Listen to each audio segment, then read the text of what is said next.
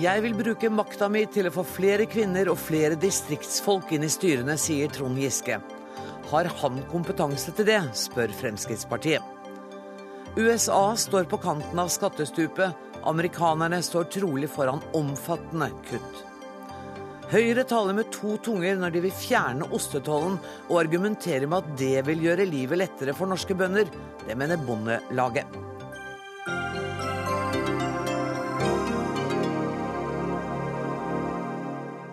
Dette er noen av sakene i Dagsnytt 18, hvor vi også skal møte Hans Rosiné, som nå trekker seg som sjef for NRK Drama.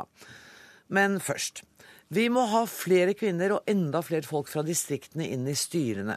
Det er næringsminister Trond Giskes mål når nye styrer i statseide selskaper settes sammen denne våren. Og nestleder i næringskomiteen for Fremskrittspartiet, Harald Tom Nesvik. Du har sagt at for deg minner dette mest om planøkonomi. Hvordan da? Ja, Det spørs hvordan du har tenkt å bruke denne plasseringa av disse personene inn i styret. Om du har tenkt å la dette være politisk utnevnte personer ut ifra politisk bakgrunn, eller hvorvidt det blir ut ifra kompetanse.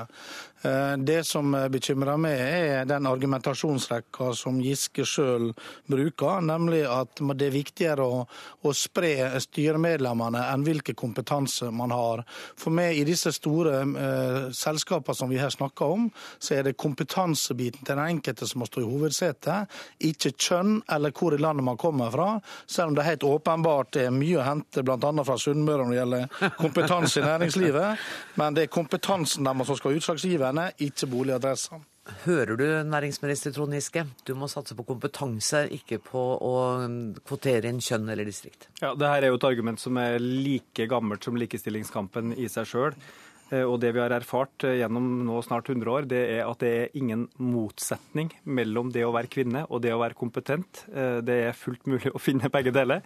Eller det, heller, å gå på Sunnmøre og være kompetent. Og det er heller ingen motsetning mellom å være fra Sunnmøre og være flink til næringsutvikling. Tvert imot så ser vi jo at veldig mye av veksten i Norge kommer bl.a. på Vestlandet, langs kysten. Veldig god vekst i sysselsettinga i hele Norge, for så vidt. Det er veldig mange flinke, flinke folk fra Oslo, og mange av dem skal vi bruke i styrene. Men når nær 60% av styremedlemmene er fra eh, en forholdsvis eh, lite geografisk område, så må vi være åpne for å se at kanskje i Bergen, kanskje i Stavanger, kanskje i Trondheim, Bodø, Tromsø, Kristiansand finnes det flinke folk vi kan bruke i styrene. Vi skal kombinere kompetanse og geografi og kjønn. Og jeg tror bare for å si det til slutt, det å få mangfold er en kvalitet i seg sjøl i disse styrene. For hvis det blir for mange fra samme miljø som tenker likt, så øker risikoen for å gjøre feil. Det å få eh, folk som har ulik erfaring, har ulikt ståsted, men sjølsagt masse kompetanse på ulike hold, det gir bedre styre og bedre verdiutvikling. Det, og Der er undertegnede og statsråden helt enig, eh, men da må det være nettopp kompetansen som er det utslagsgivende. Når statsråden bl.a. selv i et av sitatene sine i dag sier følgende 2013 kommer til å bli den mest aktive vår noensinne. På to år har vi dobla kapasiteten i eierskapsavdelinga, sier Trond Giske.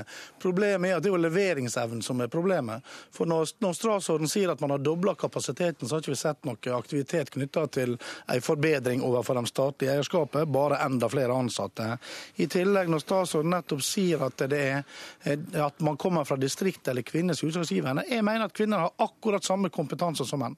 Jeg mener det er en styrke å ha kvinner i styrene. Jeg mener det er en styrke for oss distriktsmessige inn i styrene. Men det som har vært hovedargumentet her, er jo den kompetansen den enkelte har.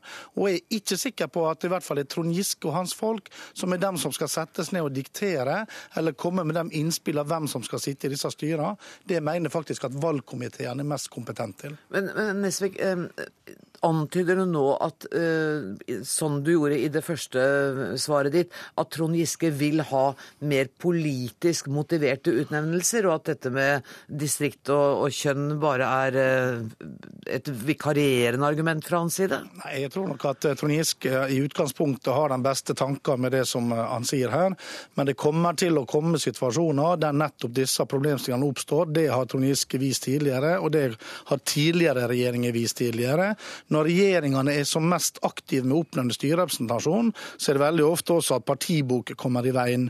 Den type diskusjoner er vi faktisk ikke tjent med opp imot de statlige eierandelene. For la oss ikke glemme én ting. Det er stor forskjell på de situasjonene der staten er som eneier i et selskap, og der vi er medeiere sammen med andre. Da er det hovedkompetansen til den enkelte som er interessant. La oss få bruke ett lite eksempel programleder, ja, som viser hvor gærent dette kan gå. La oss ta de regionale helseforetakene. Der er det jo nettopp det var hovedkompetansen til dem som skal inn gjennom disse styrene. Det var faktisk at de var eh, lokale eh, kommunestyrerepresentanter. Det var det som skulle være hovedkompetansen så skulle man se på andre ting etterpå. Sånn kan ikke vi utnevne styrerepresentanter. Det var kompetanse først, og så alt det andre som tilleggskompetanse. Giske. Eh, nå er det stor forskjell på de selskapene hvor vi har 100% eierskap og sjøl bestemmer hvem som skal sitte i styrene. Der har vi 50 kvinnelige andel i styrene, og vi har eh, tror jeg, 38% kvinnelige styreledere. I de børsnoterte hvor det er deleierskap, så er vi faktisk nede i 12 kvinnelige styreledere, sjøl om vi har ganske god kvinnelig styrerepresentasjon.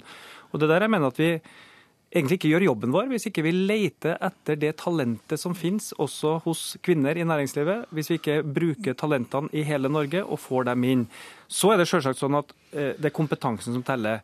Eh, jeg mener at folk som har hatt politisk bakgrunn også trengs i slike styrer, for de har en unik kompetanse. Ikke så viktig om de er fra Arbeiderpartiet eller Høyre, vi har en ganske jevn balanse. Men samtidig så er det nok naturlig å ha folk i styrene som deler selskapenes visjon. Det vil være veldig rart f.eks. å putte inn mye folk i Statkraft-styret som delte FrPs oppfatning om å privatisere og selge ned. Så du må på en måte dele visjonen og retninga for selskapet for å sitte i et styre. La, la, la, programleder, jeg må, jeg må få oppklare en ting. programleder. For her farer statsråden med, med feil. Fremskrittspartiet vil ikke privatisere Statkraft. Vi har sagt at dersom den riktige partneren kommer, så kunne man gå ned til 51% eierandel. Så vi må ikke fare med tøys, i hvert fall. Nei, ok. Men, men statsråd, det at man vil ha flere kvinner inn inn Du står jo da i en fare for at kvinner som har et styreverv, blir styregrossister, akkurat som menn har blitt det. Det er 40 kvinner nå som har flere enn 20 styreverv.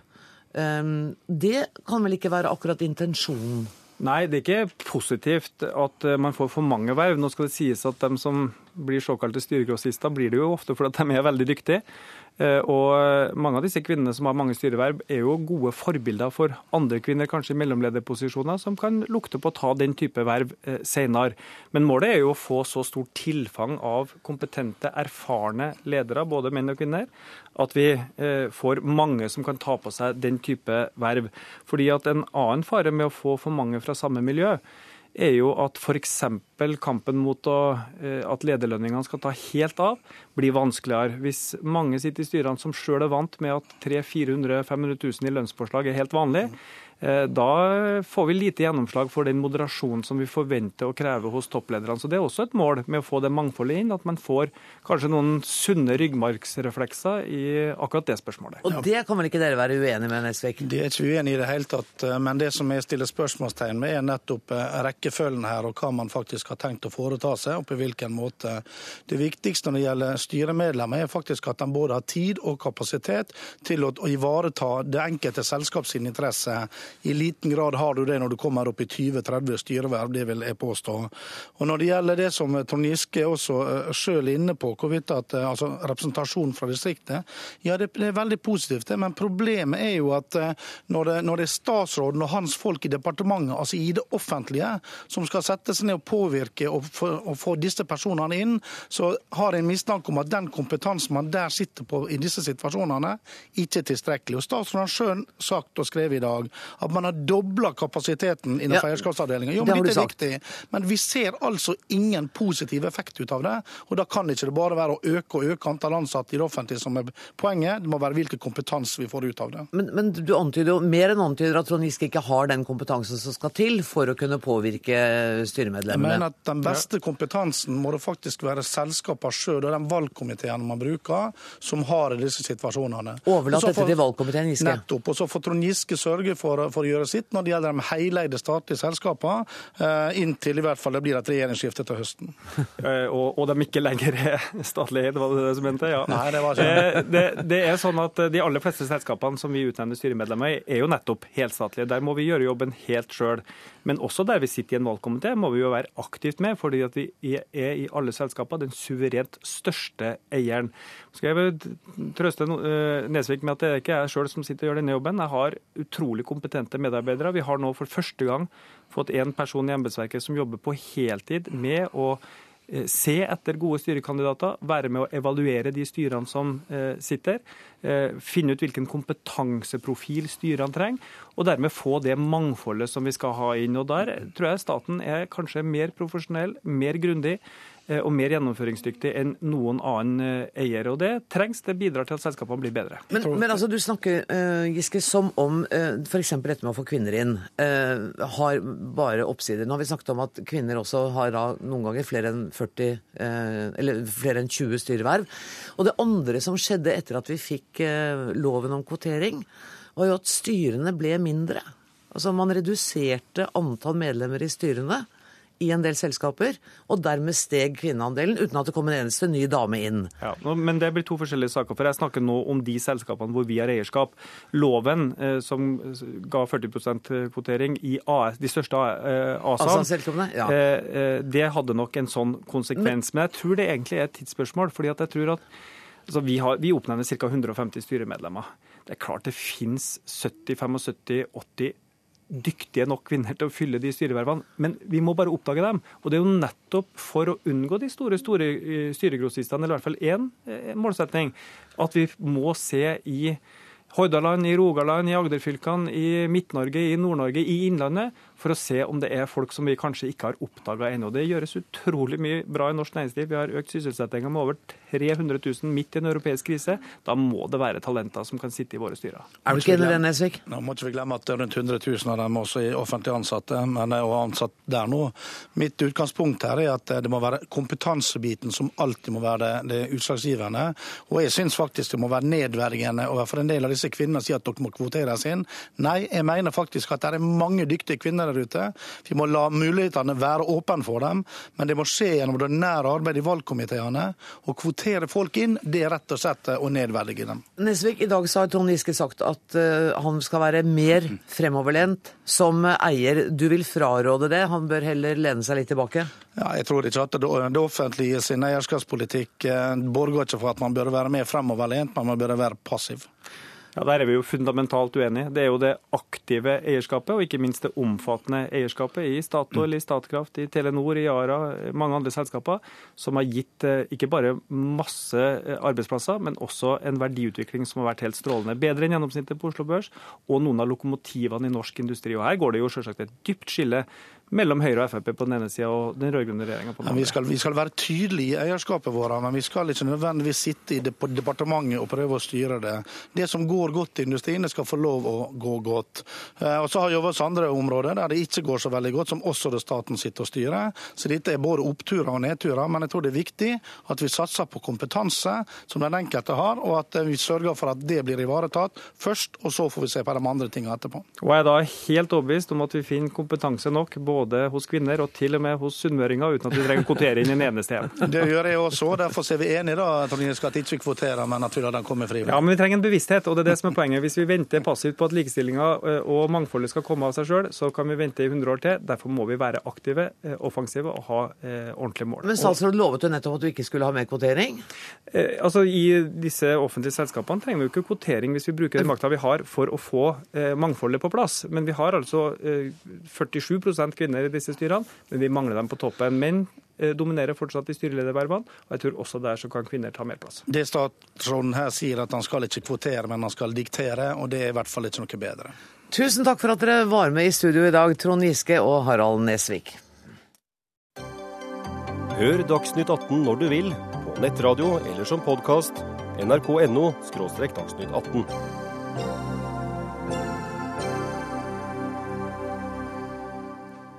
Hvorfor diskuterer vi ikke skilsmissen som et samfunnsproblem, spør Anne Holt i en kronikk i Dagsavisen i dag.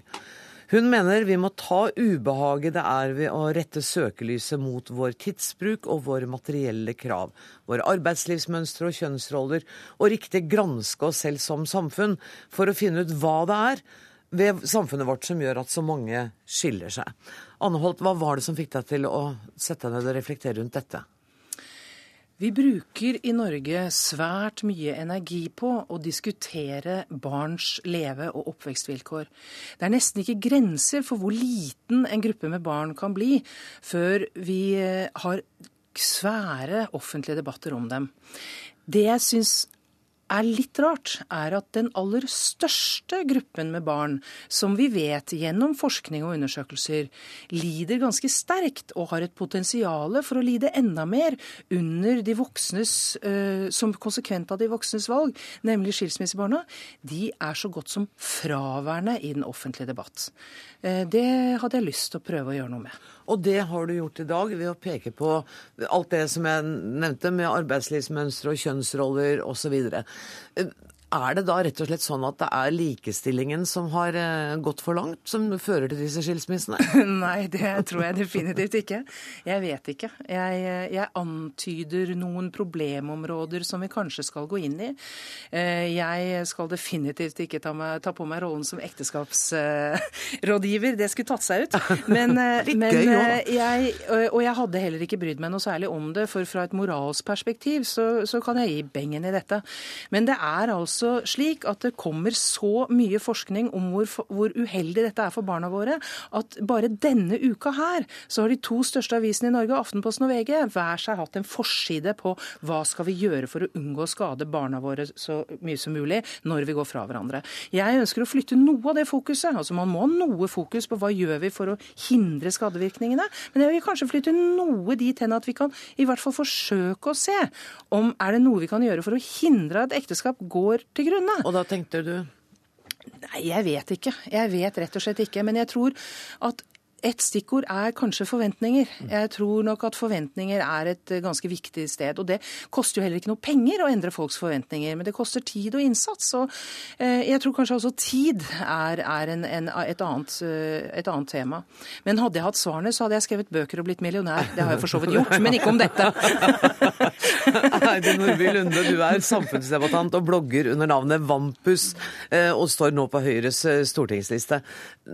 Hva var din reaksjon da du leste leste Anne Holts innlegg i dag? Min første reaksjon er at dette er en spennende debatt. For det er eh, et, et slags tabu å snakke om det. Fordi, eh, som du selv også skriver, det angår så, så, fryktelig mange. Og så tror jeg vi føler oss litt hjelpeløse eh, på hvordan vi skal håndtere det. Og så er det da en debatt om dette er individuelt ansvar eller et kollektivt ansvar. Men jeg har lyst til å si det at, at det her er ikke likestilling som har gått for langt.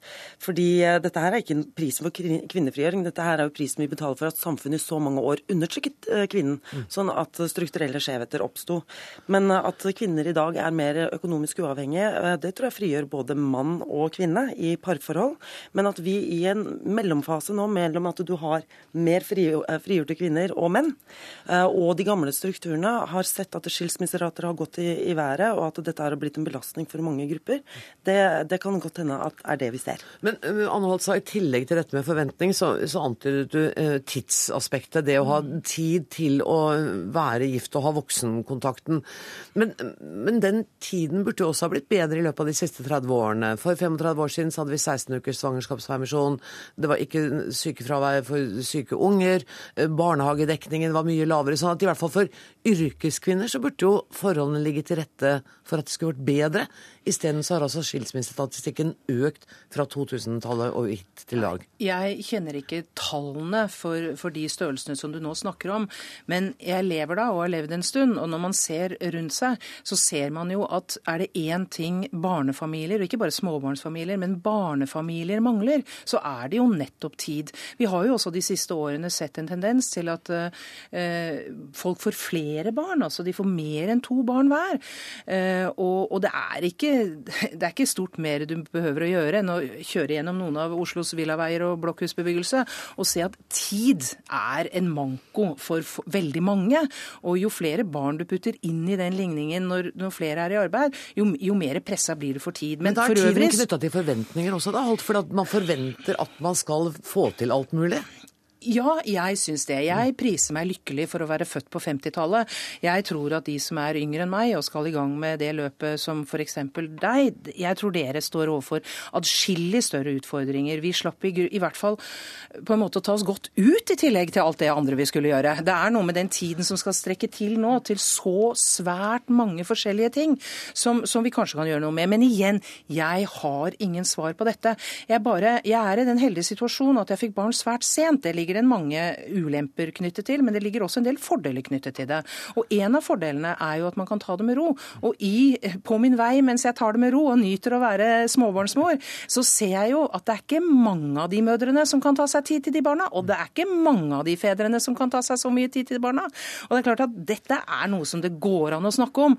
Jeg tror det er viktig, helt riktig som du sier, at, at det, den skyldfølelsen som vi kollektivt føler, enten fordi vi er skilt selv, eller fordi, for å parafrasere en gammel klisjé, de fleste av mine venner er skilte. Mm. Det, det, det, er veldig tett på oss. Eh, og vi er redd for å skape skyldfølelse nettopp fordi folk vet at dette er ikke bra. Mm. Men vi må, jeg tror vi må begynne å snakke om det. Men jeg tror at denne tidsklemmen for det første er litt, litt oppskrytt. Det handler om prioritering, og da må jo folk kunne prioritere sine egne liv også. Det er det ene. Men så er det jo også sånn at 41% kvinner jobber deltid. Mm. Og det betyr jo at de har mer tid enn det man skulle anta. Og Der har vi også en strukturell forskjell. For mange av de kvinnene som har muligheten til å jobbe deltid, gjør det fordi at mannen tjener mer. Mm. Hvilket betyr at han også jobber mer. Så kvinnen er hjemme og har tid sammen med barna. Mannen har det ikke. Der har vi en strukturell skjevhet som det er grunn å ta tak i. Så hvis kvinner hadde jobbet mer, kanskje kunne menn jobbet eh, mindre. Og så kunne det være bedre for, for familien. Og for ekteskapet. Også, og for ekteskapet. Men, men, det er også et av de tabuene vi skal ha. For at da går det utover kvinnens valg om, om, om, om hvordan man organiserer familielivet. Mens vi ser da at velferdsstaten Norge bl.a. ikke er bærekraftig dersom vi, vi, fortsetter å organisere oss slik vi gjør i dag, i hvert fall.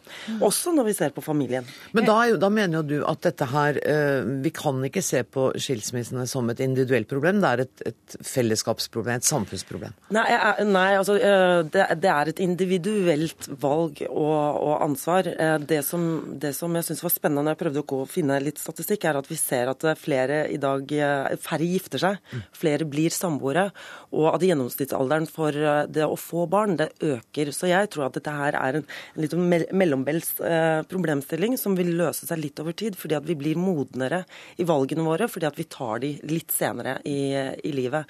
Men her er det jo også en utfordring da med, med biologi. Altså Legene anbefaler oss uh, å, å, få barn når vi er rundt 25, mens uh, gjennomsnittsalderen på førstegangsfødende i Oslo tror jeg ligger på 31 eller 32. Den er veldig høy i hvert fall. Mm. Og så er det sånn at de aller fleste skilsmisser uh, inngås jo etter uh, altså mellom fire og åtte års ekteskap. Mm. Så det er jo ikke de lange ekteskapene. Man gjør det mens ungene er små, da. Veldig ofte. Ja, uh, og er barna riktig små, så lider de vel kanskje ikke så mye under det heller. Men, men det som jeg er helt enig med deg at enhver en genuine eller unike skilsmisse er jo ikke et samfunnsproblem. Det er et problem for de partene som er berørt. Og, og jeg har også veldig klare begrensninger på hva jeg ønsker at staten skal legge seg opp i når det gjelder familiestrukturer. Men det som er et samfunnsproblem, det er, hvis det er riktig, det som nå påvises, at, at opptil 20 000 barn i året eh, settes i en situasjon der de generelt sett underpresterer på en rekke områder, og, og kommer i uheldige situasjoner på andre områder. Altså Dette finnes det noe ganske stor forskning på. Og, og, og Sist jeg slo opp, så er det jo slik at politikere og det politiske samfunnet skal bry seg om sånt. Vi skal bry oss om at unger ikke har det bra. Eh, og så kan vi selvfølgelig i mellomtiden trøste oss med at det er mulig du har rett, at, det, det, at dette er en overgangsfase. Og så kan vi i hvert fall trøste oss med at det går bra med de aller fleste. Gjennomsnittlig så går det bra med folk, eh, også med skilsmissebarn. For uh, Man kan jo også stille spørsmålet om Det er, et fåtall av skilsmissene hvor barna blir veldig skadelidende. og Det er veldig konfliktorienterte, konfliktfylte uh, skilsmisser. Og Spørsmålet er jo om da er det skilsmissen som er problemet, eller er det foreldrene? For jeg tviler på at barna ville hatt det psykisk sett bedre av å leve under konfliktfylte forhold i hjemmet. Mm. For det skaper jo heller ikke den tryggheten. Så det er velfungerende uh, hjem vi alle er ute etter, men det er ikke alltid at det er mulig å få til. Og når vi ikke får det til, så er det da Anne Holts anliggende at vi må tørre å snakke om de ungene som etter en skilsmisse ikke har det bra. Og det har vi i veldig liten grad gjort. Ja, altså vi, vi gir jo fullt Avisene og bladene er fulle av oppskrifter på hvordan gjennomføre en lykkelig skilsmisse. Jeg tror ikke så mye på den, men jeg tror nok at det er viktig at man, når skilsmissen først er et faktum, at man da forsøker etter beste evne å ta vare på barn. Men det jeg jo med denne artikkelen har forsøkt, det er jo å, å oppfordre til at vi tar noen skritt tilbake. Det kan hende at, eh, at, ekteskapets tid som et eh, evigvarende prosjekt er over. Det er godt mulig. Eh, når 50% skiller seg, og dette har vært tallet over veldig lang tid, så kan jo ting tyde på det. At dette er noe vi bare må leve med. Men da må vi i tilfelle diskutere litt nærmere hva skal vi da gjøre med disse barna? Altså, Hvordan skal vi da organisere livene våre? I grunn, Jeg må bare konkludere som jeg begynte. Jeg reiser en del spørsmål. Dessverre har jeg ingen svar. Eller i hvert fall har jeg ingen svar jeg vil komme med her og nå. Det er det vel ingen av oss som har, men vi har i hvert fall tatt ballen og snakket om eh, skilsmisser og barna som er eh, hva heter det, ofre i det. Eller kanskje ikke ofre, men de er i hvert fall med i denne statistikken. Tusen takk for at dere kom, Anne Holt, forfatter, og Heidi Nordby Lunde, samfunnsdebattant og blogger.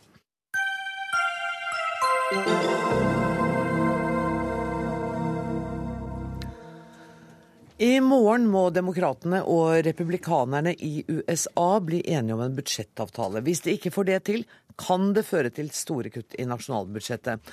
USA-korrespondent Jon Gelius, vet du noe om hvordan det ligger an før i morgen, hva som kommer til å skje? Ja, det, dette er jaggu ikke lett å holde orden på, altså. Fordi det er Det virker akkurat nå som eh, ikke bare at det pågår en PR-krig og en opinionskrig, men det er en dyp splittelse. Det er særdeles fastlåst, og det er ikke noe tegn til bevegelse for å unngå de automatiske kuttene. Så du må huske på, altså politikerne selv vedtok for lenge siden i Kongressen i et forsøk på å legge press på seg selv for å komme fram til en enighet om et nytt budsjett. Det har de ikke lykkes med så langt, og nå tikker klokken ubønnhørlig mot deadline. Du, Bare dra meg tilbake igjen, for dette har vi jo snakket om, men det var før jul, og vi husker ikke så langt tilbake. Hva var det som gjorde at demokratene og republikanerne ikke klarte å bli ferdig til tidsfristen? Altså, Nøkkelordet, slik jeg ser det, er fortsatt skatt. Og Det er altså bare to måneder siden som den forrige kriserunden var her i Washington. og Da fikk jo Obama gjennom skatteskjerpelse for de aller, aller rikeste. Nå sier replikanerne tvert nei til noen nye øvelser som smaker av ordet skatteskjerpelse. Eh, blant annet så vil Obama og eh, demokratene de vil blant annet tette da skattehull som de mener favoriserer millionærene. Og så vil de fjerne bl.a. subsidier i det amerikanske landbruket, for på den måten å få et bedre budsjett. Det sier republikanerne tvert nei til. Og da er det slik at Hvis de da ikke blir enige i morgen, så rammer det inn kutt for 85 eh, milliarder dollar, eller snaue 500 milliarder norske kroner. Og det vil først og fremst ramme forsvarsbudsjettet og annen offentlig pengebruk, som bl.a. sosiale programmer. Og Da vil titusener av offentlig ansatte bli permittert. Og det vil skje ganske fort, eller? Ja, Det vil skje ganske fort. For at denne fristen har man jo vært kjent til nå i flere måneder. Eh, så det sies allerede til uken vil man merke dette. Og dette vil jo få ringvirkninger. For det er klart at de da, hvis de da permitterer 10 000 av offentlig ansatte, så betyr det at det blir kutt i skolene, lærere mister jobben, barnehageplasser kan bli nedlagt. Det snakkes om kutt i psykiatrien, det snakkes om i pensjoner, det snakkes om i samfunnsberedskapen. Det vises bl.a. at flygeledere og vektere i sikkerhetskontrollen på mange flyplasser kan bli permittert eller miste jobben. og da fører det til til lange køer og forsinka flytrafikk. Så uansett hvordan dette går, og hvis det blir så ille som det tegnes opp til nå, som det på en måte litt svartmales nå rett før fristen går ut, så vil den jevne amerikaner merke dette i hverdagslivet sitt. Vil si at det ligger et, eh, for å si det forsiktig, rimelig stort press på de politikerne for å komme til enighet i morgen? Ja, absolutt. Og du vet at De siste meningsmålingene gjort blant vanlige amerikanere de retter jo en harmdirrende pekefinger mot politikerne. Eh, eh, politikerforakten kommer til å øke hvis de ikke blir enige. I dag har også Det internasjonale pengefondet IMF sagt at de advarer mot at kuttene vil både bremse den økonomiske veksten i USA, og at disse kuttene også, dersom gjennomføres, vil påvirke verdensøkonomien. Så For å unngå dette så gjør Obama har varslet nå at han gjør et siste krampaktig forsøk på å løse striden i morgen fredag, rett før fristen fristen går ut. Da har han invitert eh, lederskapet i både Senatet og Representantenes hus til Det hvite hus, med da republikaneren eh, House Speaker John Bainer i spissen. Men det er ikke mange som har forventninger til at det møtet ender med jubel. Seniorøkonom i Nordea Markets, eh, Katrine Gudding Boje. Han vil hindre, Obama vil hindre at dette skal få konsekvenser for Europa. Er det virkelig en fare for det hvis de ikke blir enige? Nei, det er egentlig det som vi mener at det Eller sånn som man regner på disse kuttene, så er det ikke så dramatisk. Det har en negativ effekt på amerikansk økonomi. Det kan trekke ned BNP-veksten, som de sårt altså, trenger. Altså bruttonasjonalproduktet? Ja, bruttonasjonalproduktet, den økonomiske veksten. Eh, trekke den ned med ja, 0,3 til en halv prosent. Altså, vi snakker ikke veldig store, Det ligger an til at veksten blir sånn 2 så kanskje den blir litt, da litt lavere enn det. Men, eh, men det er ingen katastrofe for, for for amerikansk økonomi, eh, og det er heller ikke en katastrofe for verdensøkonomien. Men det vil være enkeltmennesker som blir berørt av dette? Ja, det er det helt tydelig at det, at det, vil bli. Så de kostnadene vil jo på en måte bli kanskje større for enkeltmennesker. Mange vil merke dette tydeligere på, på mer sånn personnivå enn man vil merke på den, økonom, den, makroøkonomiske utviklingen. Men hvis mange enkeltindivider merker det på sin personlige økonomi, så vil jo det også gi ringvirkninger. Hvis det nå skulle bli nedskjæringer innenfor psykiatri, for skole, at offentlig ansatte blir permittert, vil ikke det ha noen ringvirkninger utover i økonomien i USA? Jo, men det er egentlig de effektene vi prøver å kalkulere, som vi kalkulerer til å bli ganske små. Okay. Selv, om, selv, om, det vil være store, føles som en stor effekt for enkeltpersoner, så i sum så, så skal det ikke ha de, de, de veldig store utslagene på, på, økonomien som helhet. Ikke på langt nær som budsjettstupet og, og, og en, et mislighold av amerikansk statsgjeld, som tidligere har vært disse tidligere diskusjonene i Kongressen. Men den amerikanske økonomien har jo slitt lenge. Som økonom, økonom ser du at, at, de tiltakene som Obama nå prøver å få gjennom i morgen, er de nødvendige? Siden du sier at marginene er så små her, eller effekten av det er så liten? Ja, altså Man kan jo kanskje si at det er kanskje en av grunnene til at de ikke ser ut til å bli enige, at her står de veldig hvert på sitt og, og lar disse kuttene kom, gå gjennom, fordi at de har begrenset effekt på økonomien. Og Hvis du ser lenger, lenger tidshorisont, så er det jo på en måte positivt for de langsiktige utsiktene for USA at de faktisk eh, kutter budsjettutgiftene noe, fordi de har et misforhold mellom inntekter nå og, og utgiftene på, på, statsbudsjettet. Men uansett hva resultatet vil være i morgen, så vil konsekvensene kanskje være større politisk enn økonomisk? Ja, det, det vil jeg tro. Det, altså det viser veldig tydelig at det er fortsatt veldig steile fronter mellom demokratene og republikanerne. At de ikke blir enige her. Jon Gelius, er du fortsatt med oss? Det er absolutt. Du, eh, hva, det politiske aspektet her har jo ikke du og jeg snakket om. Hva ville det bety for Obama å måtte innrømme at dette fikk han ikke til? Nei, Her er det mye politisk prestisje på spill på begge sider. Eh, husk på at Obama er eh, gått inn i denne siste runden og presser steinhardt nå, fordi han har en viss eh, selvfølelse av at han lyktes med den forrige runden for to måneder siden, da han faktisk talt fikk brutt mantraet nei til skatt blant republikanere. Han fikk dem altså med på en skatteskjerpelse. Nå prøver han nesten samme vei, samme resept, men nå sier republikanerne enda tydeligere og unisont ifra at dette vil de ikke lenger være med på. De vil ikke være med på noe som kan føre til skatteskjerpelse. Og som økonomen helt riktig påpeker i studio, eh, republikanerne de sier at dette handler om 2,4% av budsjettet, og at kuttene sånn sett ikke utgjør noen dommedag. Det er profilen på det som de da reagerer på. Men for den jevne amerikaner, du kan jo tenke deg sjøl hvis titusener av offentlig ansatte til uka blir permittert, så får det ringvirkninger i dette samfunnet. Og det vil være en katastrofal vei for Obama å skulle bygge opp igjen tilliten i sin siste periode, hvor han nå gjør alt for å komme ut som mannen som fikk økonomisk, eh, USA på økonomisk fot igjen. Katrine Guddingborg, Det er vel riktig det Gelius sier, at, at, at, her henger politikken og økonomien tett sammen? Det gjør jo det. så Det er klart at det vil være det er negativt hvis, eh, når dette inntreffer. og det var, Dette forslaget ble jo lagd for at det skulle være et dårlig forslag. Det skulle ramme helt sånn vilkårlig og, og, være upopulært. og Derfor skulle det på en måte være et argument for at de skulle kunne bli enige. Men tydeligvis så er det ikke ille nok da, til at, eh, at de klarer å vike på sine sterke fronter. Vi får se, rett og slett. Vi får kanskje vite noe om 24 eh, timer eller noe rundt der. Tusen takk for at eh, dere var med, både til kollega Jon eh, Gelius og til Katrine Gudding Boje.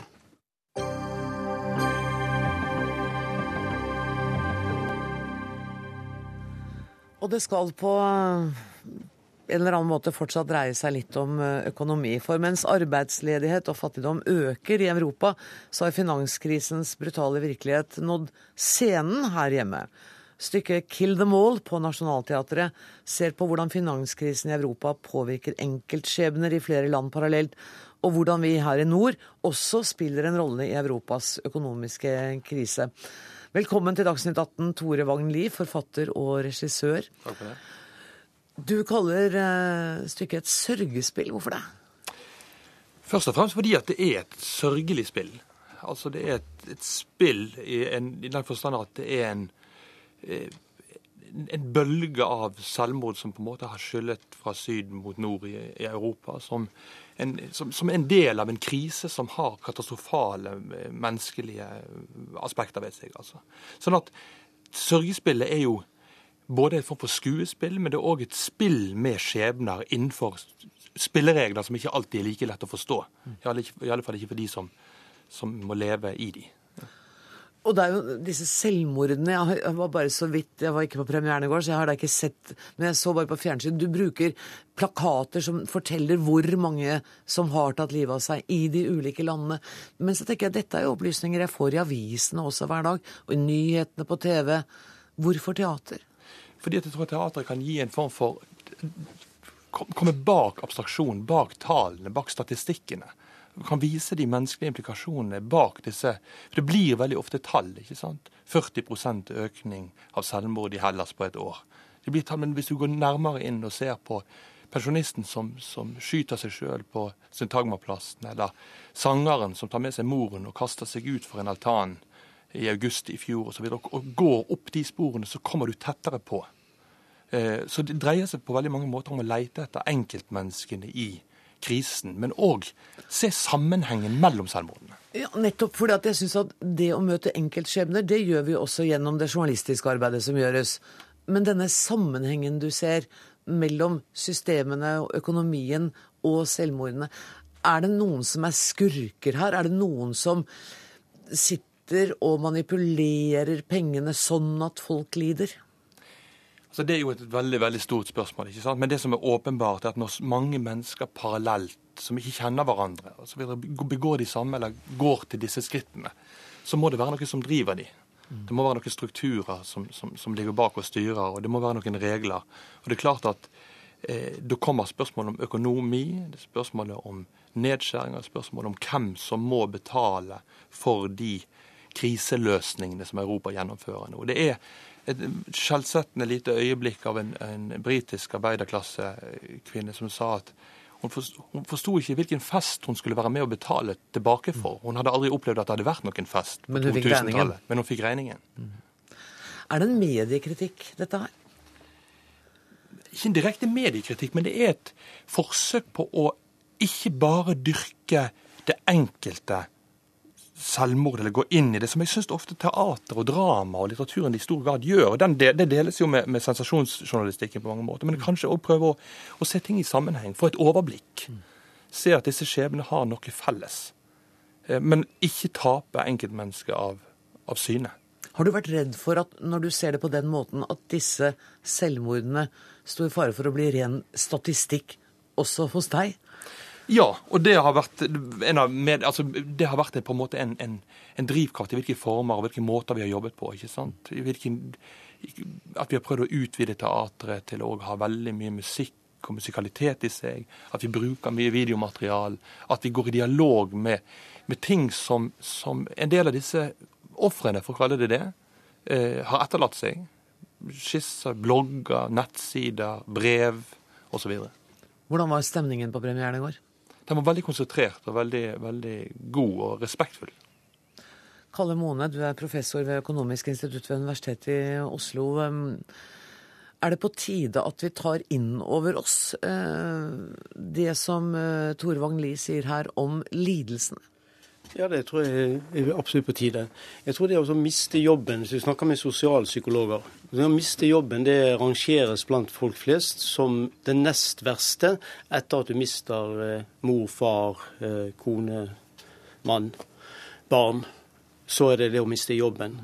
Og det å ikke få jobb, det tror jeg er lignende til det å, å, å, å miste jobben. Så dette er alvorlige skjebner. Det er, det er dette ene livet en har. Og når det liksom får en virkelig alvorlig knekk i starten, så tror jeg det er verdt både å tenke gjennom dette. Jeg syns det er helt fint at en, at en har statistikk omkring disse tingene, men når statistikken mer illustrerer det, den grunnen vi har til å engasjere oss i disse sakene, så tror jeg det, gjør teateret en god jobb.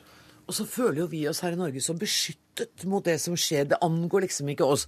Eh, ja, det går eh, dårlig i Spania, Italia og Hellas, men til gjengjeld så blir det billig å kjøpe seg feriehus der. Og så er vi litt Er det, er det noe der?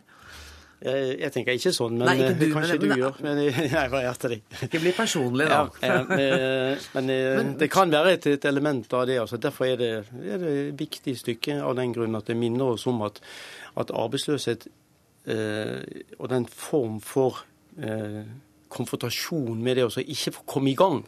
Sånn det er jo det du ikke kommer i gang ordentlig med, med livet. Sånn halvparten av ungdommen i både Spania og, og, i Hellas har ikke arbeid og vil gjerne jobbe. Og det er en enorm frustrasjon. Det, det føles meningsløst. Og jeg tror det er også sånn når, når, når, du ikke vet helt hvem du skal peke på som den skyldige, når, når på en måte den, det du utsettes for, er mer strukturelt, for å si det på pent, så tror jeg det er mye vanskeligere å gjøre det, det er mer uklart hvor du skal gjøre av hatet ditt, mm. eller frustrasjonen. Og da kan det kanskje vende seg litt innover at, at dette vil en ikke være med på. Og det, det skumle med selvmordsbølgen er jo også at den smitter. Altså den smitter fra gruppe til gruppe, fra individ til individ. Det, Håpløsheten brer seg, liksom? Ikke bare håpløshet, men også selve selvmordet som løsning, eller kvasiløsning om du vil, eller som frustrasjonsutløsning. Men, men hva, hva, kan, hva, kan, teatret bidra med til å bevisstgjøre oss, som ikke vi i media eller du som ekspert på området kan gjøre? Jeg tror det er veldig masse. Det er jo å, å lage dette dramatisere det sånn at vi skjønner alvoret i situasjonen. Få, få komme litt inn bak de følelsene emosjonene som ligger bak det å møte en sånn situasjon. Jeg har jo stelt det virkelig dårlig til i Europa.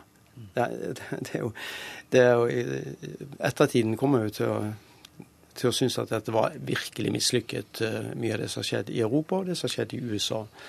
Og, og, de kommer ikke til å være nådige i sin dom med måten vi har, har, stelt oss. Og det er akkurat sånn som det ble nevnt her i sted. Sånn de, de, som betaler for det, er de som fikk ingen av gledene. Så det er jo det er så urettferdig fordeling av uh, gleder eller gevinster og tap av, av dette.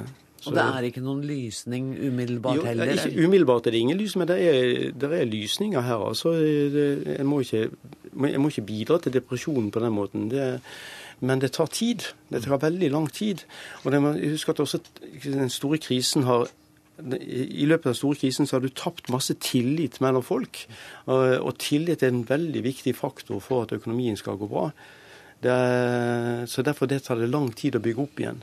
Så det er ikke plass for mange nye italienske spøkefulle politikere. Nå må vi ha litt eh, folk som tar saken på alvor. Tore Wanglid, hvordan kom dette stykket i stand? Det kom i stand, begynte som en, som en mistanke Det begynte med utgangspunkt i disse enkelthendelsene. ikke sant? Og, og at det stadig tikket inn meldinger om nye underlige selvmord eh, begått på, på av mennesker du gjerne ikke kunne regne med skulle, skulle gjøre det. Og, og, og, en følelse av at dette nye dramaet, at, at, det var et nytt drama i emning, et europeisk drama som på en måte ligger med oss nå og fremover og som ikke hadde et drama. Så når du begynte å arbeide i, i klassisk litteratur eller teaterlitteraturen, så finner, du en helt, så finner du på en måte ikke et stoff som griper dette. Og det var, det var inngangen til å prøve å finne en form. For dette er ikke Hedda Gabler i, i, i, sofaen. Dette er ikke det borgerlige dramaet. Det er ikke det ene enkle selvmordet. Det er ikke, og, og det slo meg òg at når, når jeg begynte å se på, på hva greske myndigheter for eksempel, prøver å gjøre for å unngå fokuset på dette, hva spanske myndigheter gjør, så ser jeg at de veldig fort går ut og sier at dette er en personlig tragedie, dette er en dyp personlig tragedie. Eller de begynner å arbeide med skjulte motiver. Mislighold, økonomi, familiære problemer osv. Så, videre. så det var en motvekt mot dette. Det var et forsøk på å, på å gi det et annet blikk, og lete etter enkeltmenneskelige systemer. Systemet i enkeltmennesket. Og det kan de som har lyst til å se på Nationaltheatret. På hovedscenen vel spilles vel f.eks. i kveld. Ja, det spilles på amfiscenen. På amfiscenen, unnskyld. Og det spilles f.eks. i kveld og det gjør det. kanskje i lang tid framover. Tusen takk for at eh, dere kom, Tor Wang Lid, som da er forfatter og regissør, og professor Kalle Moene.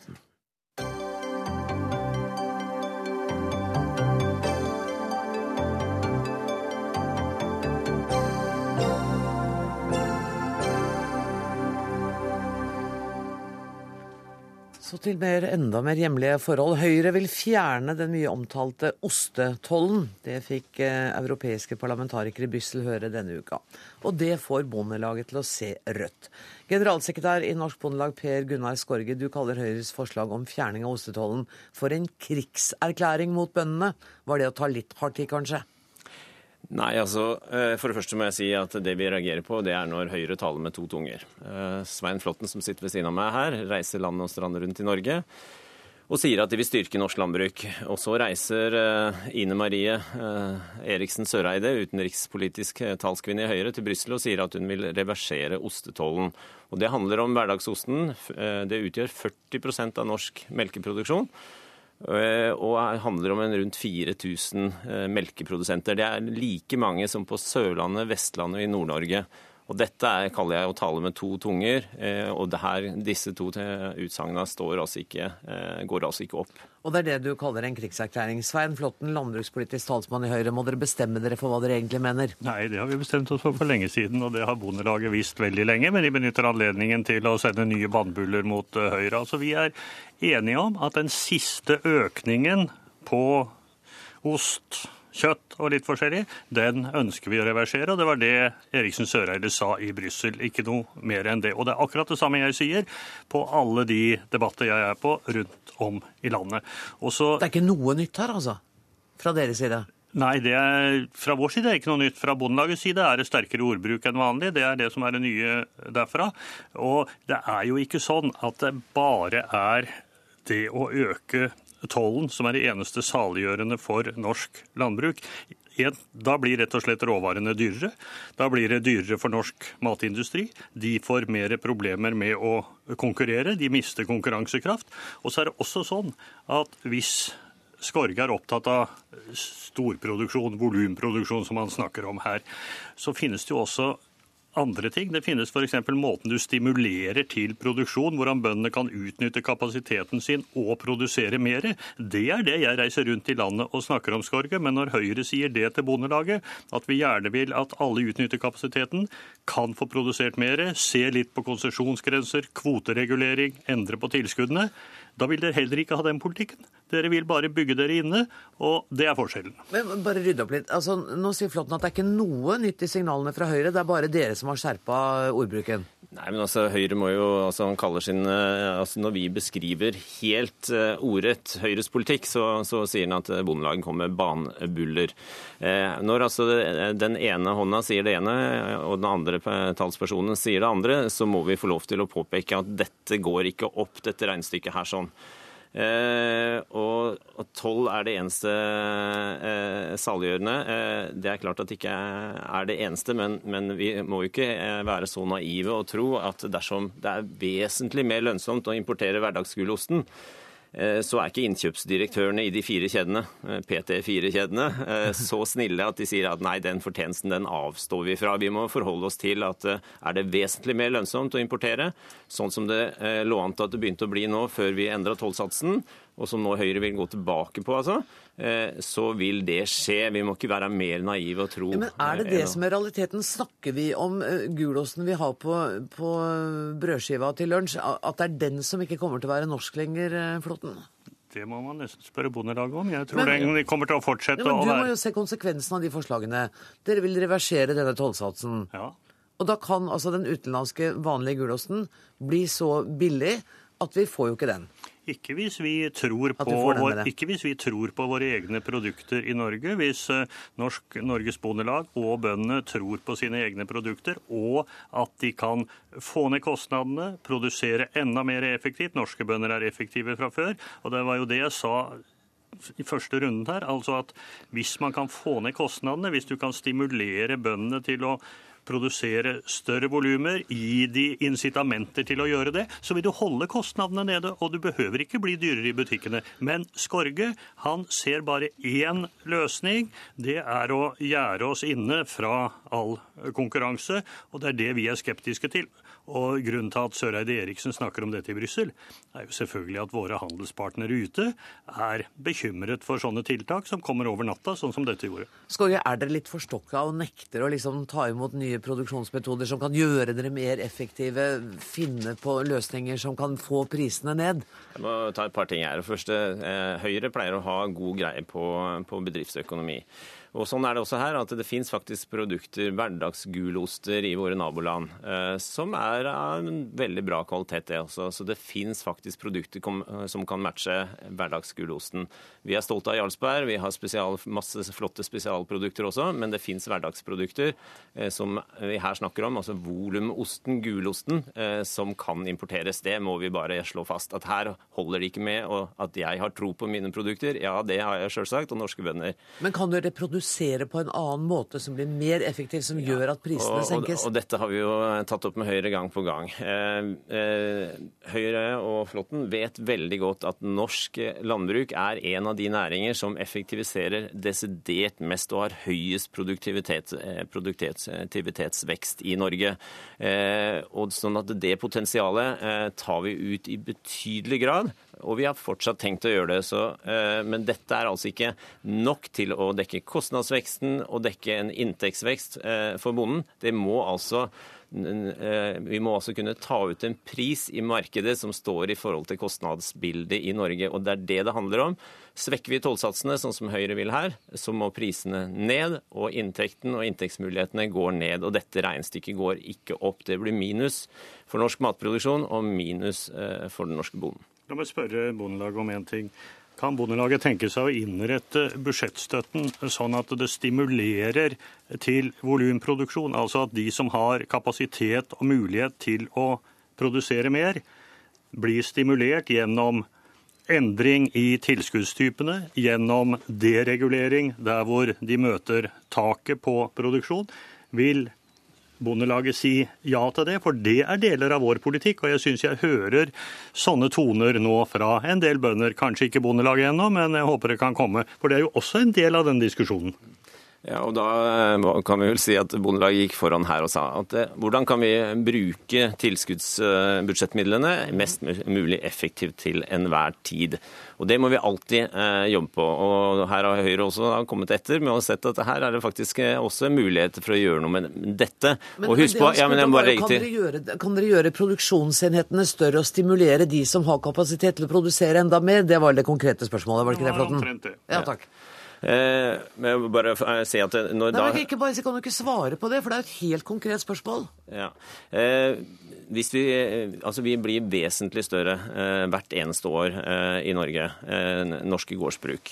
Eh, og så er det spørsmålet kan vi da bli enda større, og vil det løse utfordringen? Jeg tror at ja, vi kan produsere minst like mye ved å bli større, men vi mister også noe på veien, og det er å utnytte de norske arealressursene. Det handler om beiteressurser og grasressurser og jordressursene. Vet du hva, jeg må sette strek, og vet, Ikke overraskende så ble dere ikke enige i dag heller, men jeg sier tusen takk for at dere kom, Per Gunnar Skog og Svein Flåtten.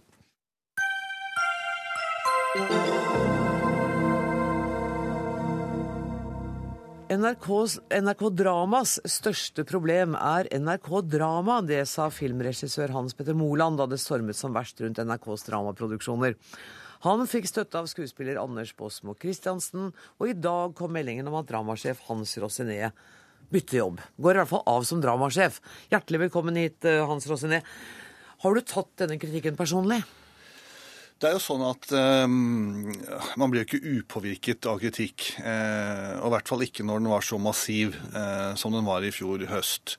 Eh, så klart, det, det, virker jo inn. Eh, og når det kommer så mye kritikk, så, så, setter man seg ned og lurer på hva er relevant. Hva, hva kan vi ta videre? Klarer hva, du å skille i det i en sånn situasjon? Ja, egentlig så gjør jeg det. For at, at uh, noe av kritikken gikk jo direkte på lederstil og sånn, bl.a. av folk jeg aldri har møtt. Og det er klart at Da spør jeg hvor, hvor relevant er det, selv om jeg ser at det sikkert er poenger. Du stiller spørsmål om hvordan er det. Og så kom det kritikk Eh, i debatten i fjor, f.eks. fra Dramatikerforbundet, altså de som skriver manus til, til TV-seriene, eh, som sa at de syns det er rotete mottak hos oss, eh, vi må bli bedre behandle dem, de syns det er uklart hvem som tar beslutninger.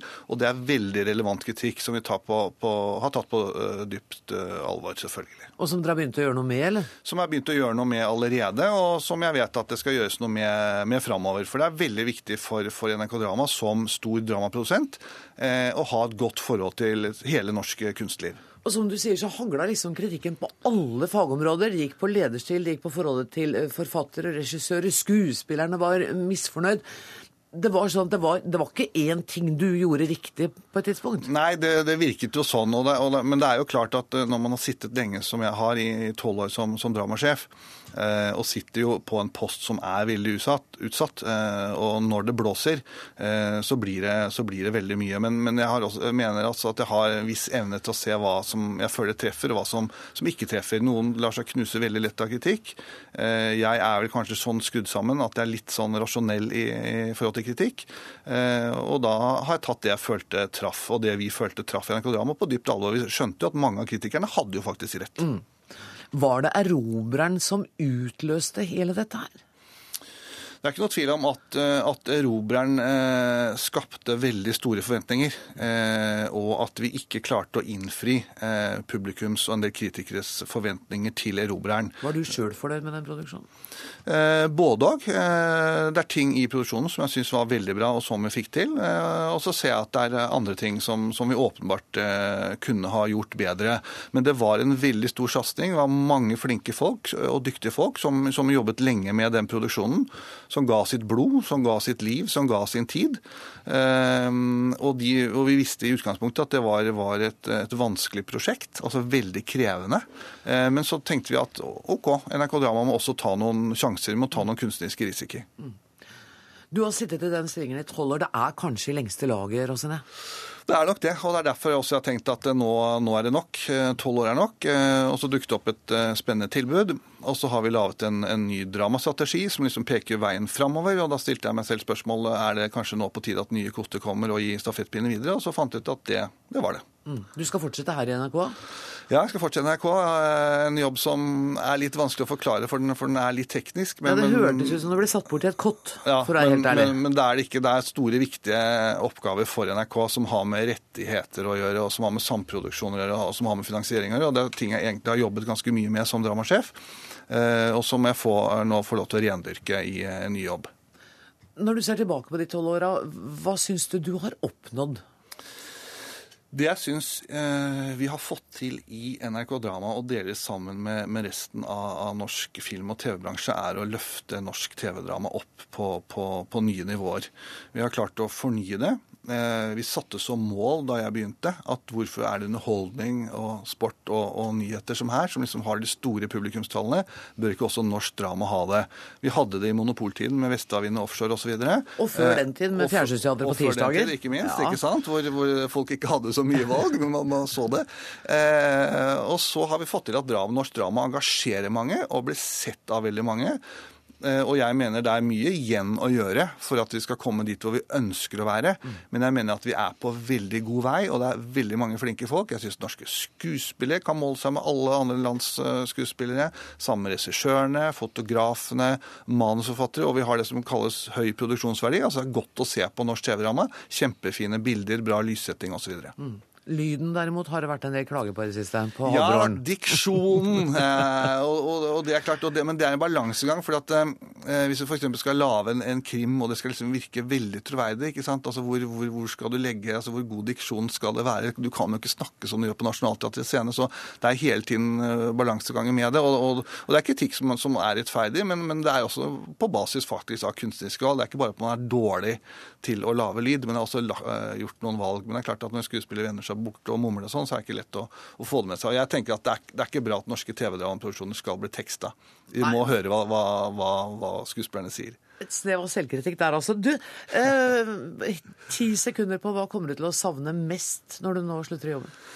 Det jeg kommer til å savne mest, er alle de flinke folka i NRK Drama. Eh, men så vet jeg da at jeg kan forlate dem med godt hjerte, for jeg vet at de kommer til å løfte norsk drama ytterligere. Og skulle det gå helt gærent, så kan du alltid begynne i Dagsnytt 18 igjen. Her har du jo vært før. Takk skal du ha. Tusen takk for at du kom, Hans Rosine, og lykke til med jobb. Eh, denne sendinga nærmer seg slutten. Jeg skal bare nevne at i dag hadde pave Benedikt sin siste dag på jobb. I morgen får vi besøk av en kardinal som kan bli den første fargede paven. Han heter John Onayekan og er fra Nigeria. Da gjenstår det bare for meg å nevne at ansvarlig for sendinga i dag har vært Dag Dørum. Det tekniske ansvaret er Lisbeth Sellereite. Jeg heter Anne Grosvold. Takk for nå.